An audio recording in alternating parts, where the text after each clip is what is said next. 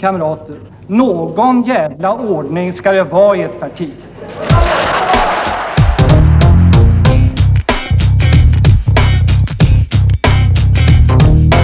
Ja, skiter björnar i skogen? Frågetecken höll jag på att säga. Eh,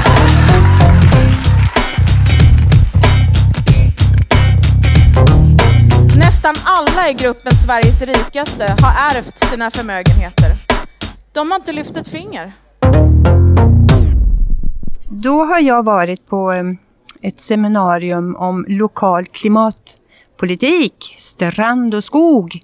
Där eh, Naturskyddsföreningen pratade om strandskydd framförallt och allemansrätt. Och eh, Paul Kristensson från LRF Ja. pratade om skog och skogsbruk och vår nytta utav skog. Och med mig här nu så har jag Birger Lahti, uttalas det så? Jajamän.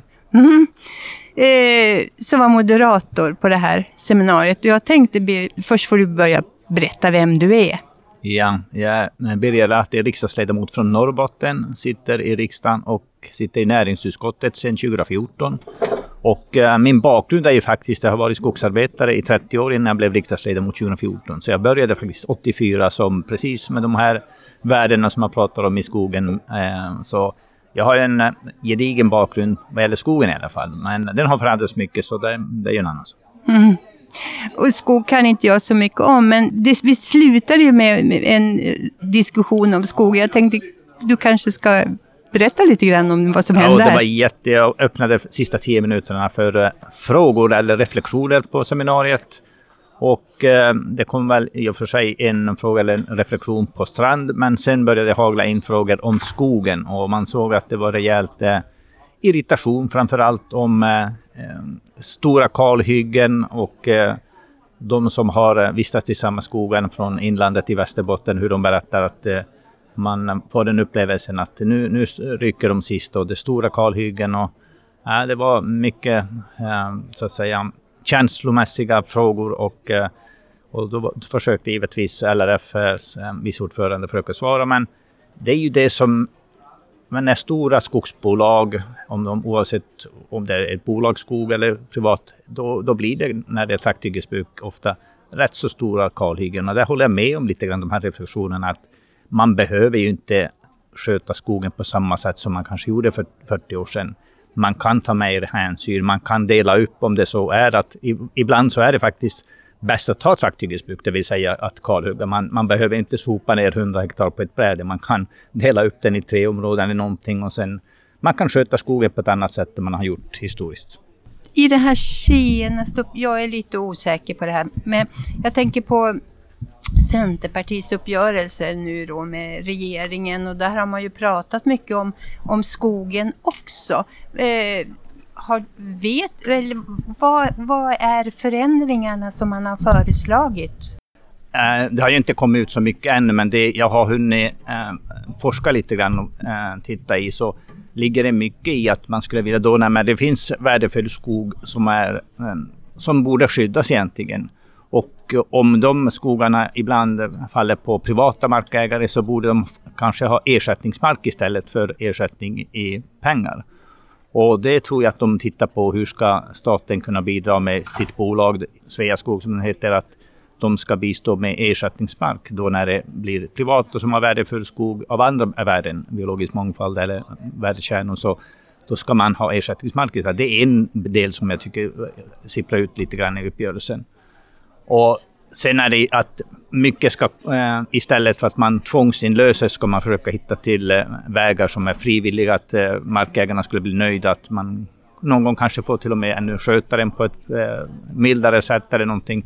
Men jag är inte helt säker, men det finns sådana där som har kommit ut. Vad är Vänsterpartiets syn på skogspolitik?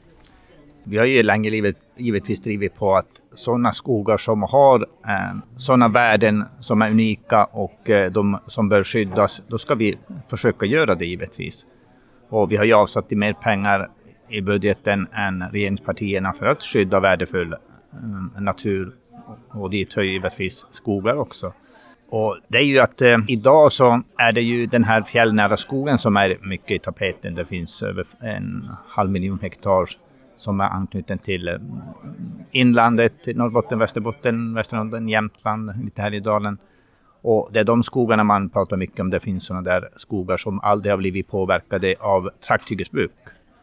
Och då finns det olika sätt, men vi tycker givetvis att det som är värdefullt, det har vi råd att skydda. Men däremot så ska vi även ha ett aktivt skogsbruk. Vi bör sköta skogen, för alla pratar ju om idag att Eh, vi måste få ut långlivade produkter från skogen. Det vill säga det som vi bygger, de som binder koldioxid på lång sikt. Eh, och byggnader, möbler, det är typiskt sånt.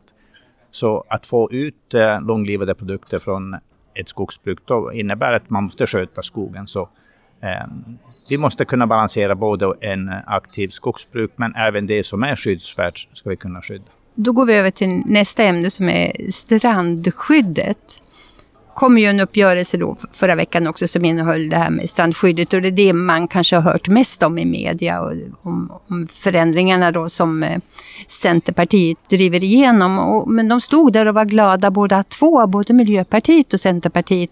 Den har inte heller kommit ut äh, direkt men de pratar om differentierat strandskydd, där det är låg exploateringstryck, mm, glesbygden, inlandet.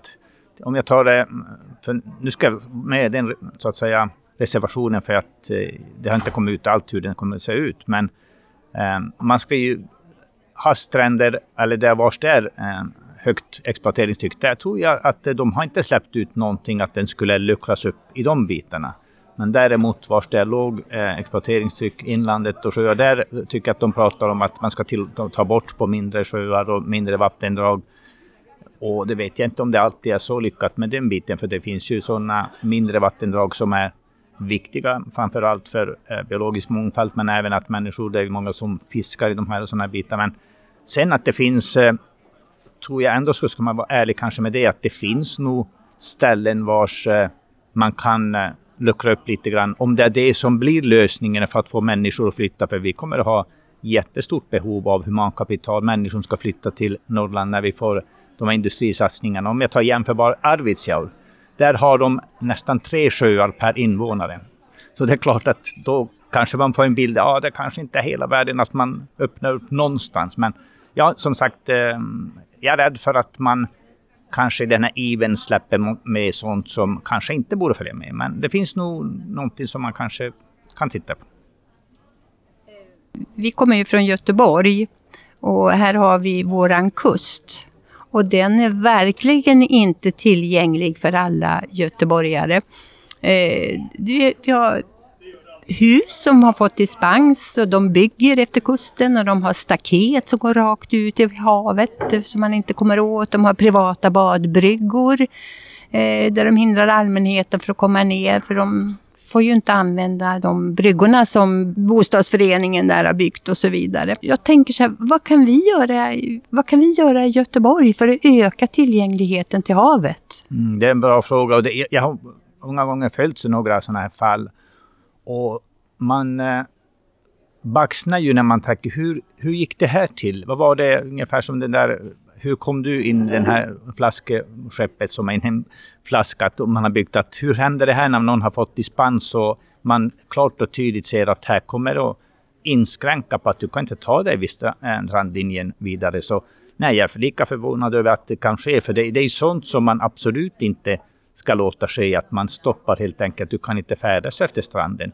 Men de här som man pratar i de här små byarna var jag också kommer ifrån, så det är ju aldrig hindra om det, oavsett om det är 100 meter eller 60 meter ifrån någon bygger, för då har du ändå 60 meter kvar. Du kan ta dig efter strandlinjen. Och, men det är sånt som man tycker att är det heligt den där 100 meter, ibland så kan det kanske vara bättre att man bygger på 40 meters åldern, kanske högt uppe på en ås eller någonting istället för att man går 100 meter. Det blir bara är svårt att försvara helt enkelt. Men att det, kustremsan, havsremsan, att den har redan nu inskränkt, ja, det förvånar mig precis som du berättar, att hur gick det där till?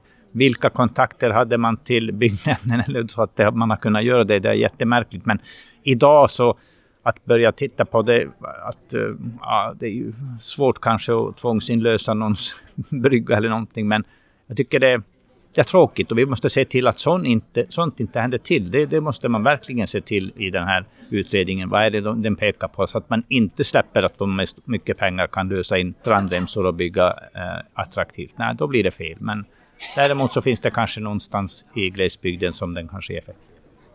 Mm. Det som är gjort är gjort, men man kan försöka göra det bra i framtiden, säger Precis. du? Precis, det är det jag tror. Jag, jag har svårt. Eh, det kanske finns till och med lösningar att man när det blir generationsskiften att man. Jag vet inte, men men man kan ju redan idag söka dispens. Det är väl därför de har kunnat bygga som de har här i Göteborg. Men eh, varför behöver man då ändra på, på eh, strandskyddet när man redan idag kan fixa till det? Mm, och det är ju och det har jag också sett att det är olika från olika länsstyrelser hur de eh, eh, behandlar frågorna. För jag tog ett exempel där eh, när seminariet började. För det här handlar nu om cirka tio år sedan i en by i Tornedalen som ligger vid gränsälven.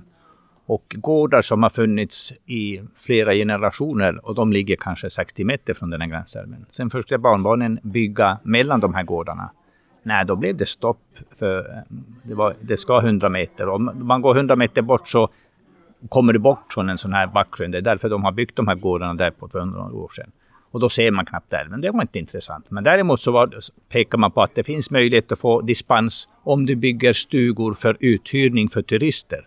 Och det är klart, när en sån eh, kommer upp, de blir ju bara, ursäkta ordbruket, fly förbannade. Att jaha, så det är okej okay om jag bygger en stuga som eh, i det här fallet kallar de sörlänningar kommer dit och hyr, men jag får inte bygga för att jag vill eh, tillbringa tid i min hembygd. Eller, så det, det blir ju fel och det är sådana här Eh, för LIS är ju ytterligare ett skäl att ha dispens. Den här eh, landsbygdsutvecklingen i strandnära områden som den kallas, den här LIS.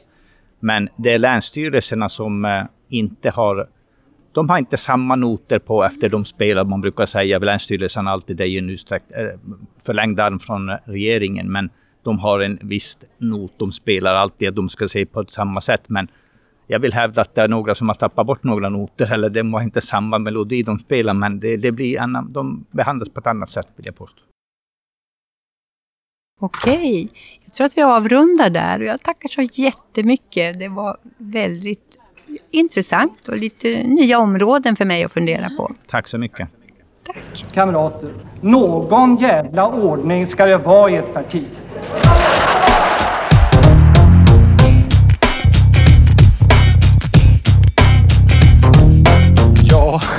Skiter björnar i skogen? Frågetecken höll jag på att säga. Eh.